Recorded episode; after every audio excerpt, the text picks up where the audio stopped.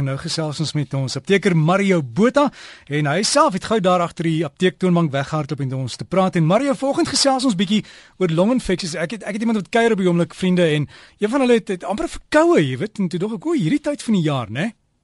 Baie interessant. Hallo Dirk. Ja, mense kry nog 'n longinfeksie hierdie tyd van die jaar en veral verkoue en ek dink ons kan dit toeskryf aan die verandering in seisoen en omdat dit nou verskriklik warm word, het ons hierdie oormatige histamiene en antihistamiene wat nou vrygestel word in die lug en dan hierdie allergene veroorsaak dat ons hierdie histaminergiese reaksie het. Nou dis groot woorde. Al wat dit beteken is ons het 'n verskriklike loopneus en baie keer nogal 'n sinusitis wat gebeur en dit veroorsaak 'n drup wat in die longe plaasvind en dan kan dit oorskakel in 'n longinfeksie. En baie mense kry 'n atipiese pneumonie. So dit is 'n 'n longontsteking wat nie heeltemal die simptome van 'n longontsteking het nie, maar dit presipiteer maar nog steeds as 'n longontsteking. En dit is nogal sleg want om in 'n in 'n bed te lê en dit is so warm wil ons nie doen nie. So wat veroorsaak dit? Dis kieme, virusse en bakterieë wat in die longe inkom en dan hierdie goggas maak laat die laat ons longe nie heeltemal goed hierdie suurstofuitreiling kan plaasvind nie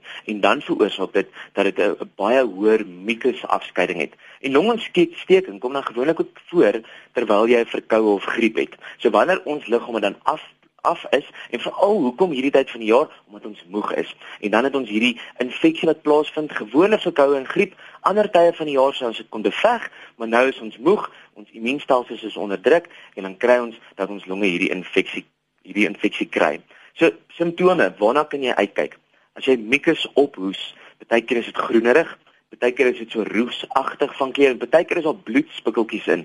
Moenie jou doodskrik as daar bloedspikkeltjies in is nie, maar dis 'n teken dat dit longontsteking verseker is en dan moet ons by 'n dokter uitkom.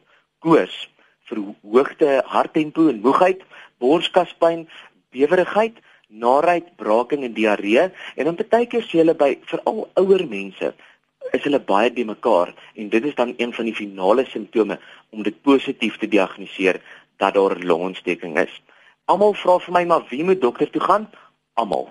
Almal moet dokter toe gaan. As jy vermoed dat daar 'n bronkietis is of selfs oorskakel na 'n longontsteking toe, dan moet jy by 'n dokter uitkom en dan veral kinders en veral ouer mense. Dit is nogal sleg want hierdie longontsteking kan dood veroorsaak in kleiner kinders en dan in baie ouer mense. Hoe kan ons dit verhoed?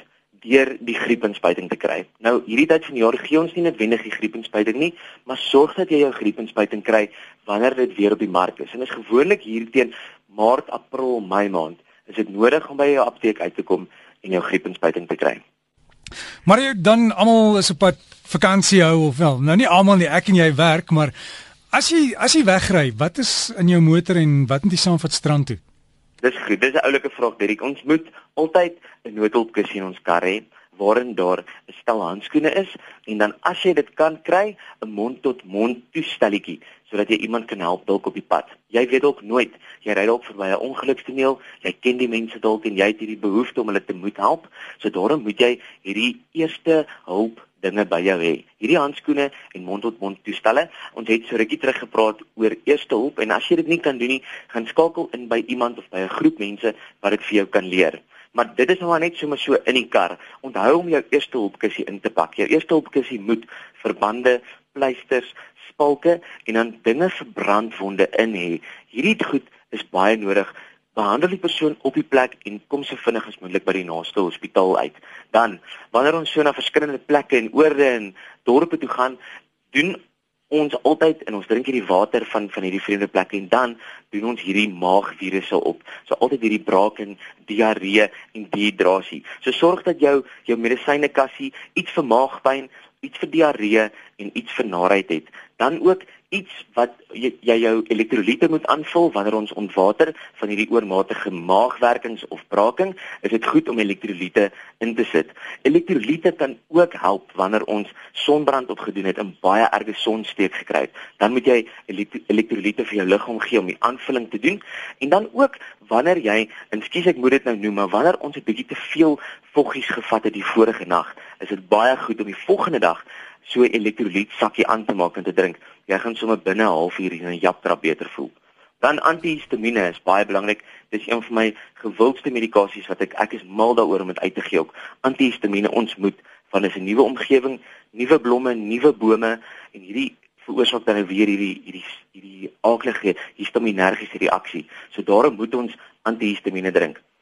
Na sonbrand moet ons behandeling ook toepas wanneer ons hierdie baie rooi rooi lyf het, moet ons dan hierdie nasonbrandroom aansmeer. Dis gewoonlik so blou gelagtige vorm wat ons kan kry. So smeer dit aan en dit help ook dan vir sonbrand. Wat help nog vir sonbrand? Jou gewone disprin is wonderlik vir sonbrand. Onthou net, ons gee nie disprin vir jonger kinders nie. Dan Vitamiene is belangrik. Wanneer ons op vakansie gaan, dink ons altyd, nee, ek gaan my vitamiene by die huis los, maar dis juist die tyd wanneer ons ons liggame moet voed en wanneer ons moet regkom. Januarie lê om die draai en ons moet hierdie vitamiene inkry. En dan weer omdat ons 'n oormatige hoeveelheid van voggies drink hierdie tyd van die jaar en jou bier en jou wyn loop maar hoog, nie noodwendig dat ons ons oorgee daaraan nie, maar Kersete kom en dan drink ons maar 'n ou glasie wyn. Wat moet ons doen? Ons moet lewertablette drink. Dis goed om ons lewer te beskerm en hierdie tablette gee vir hom al die voedingswaarde en nutriënte en vitamiene en mikronutriënte om ons lewer weer goed en reg te kry. So onthou, smeer altyd sonskerm aan. Dit moet ook in jou kassie wees want ons gee vir ons lywe hierdie oormatige blootstelling aan die son. Drink Vitamiene C want dit hou ons velle mooi en my laaste wenk vir die vakansie is drink baie water. Want dan behoort ons goeie vakansie te hê. Sê Mario in jou Facebook, jy het al daai inligting daarop ook gesit, né? Ag Facebook, dit sal seker teen vanmiddag op wees. Ek sê sommer die lysie van wat in jou eerste hulpkussie moet wees op my Facebook bladsy. So soek dit net as apteker, druk die like en jy is deel van die Facebook blad. Andersins kan jy my e-pos by mario.m bota@gmail.com. So gesels Mario Botha, ons apteker en jy kan geloer op Facebook soek maar net vir apteker en dan hou van die groep en dan kan jy aansluit of stuur vir hom e-pos is mario.m.bota. Dis mario.m.bota by gmail.com en die gesprek sal ook as 'n pot gooi die komende week by rsg.co.za beskikbaar wees.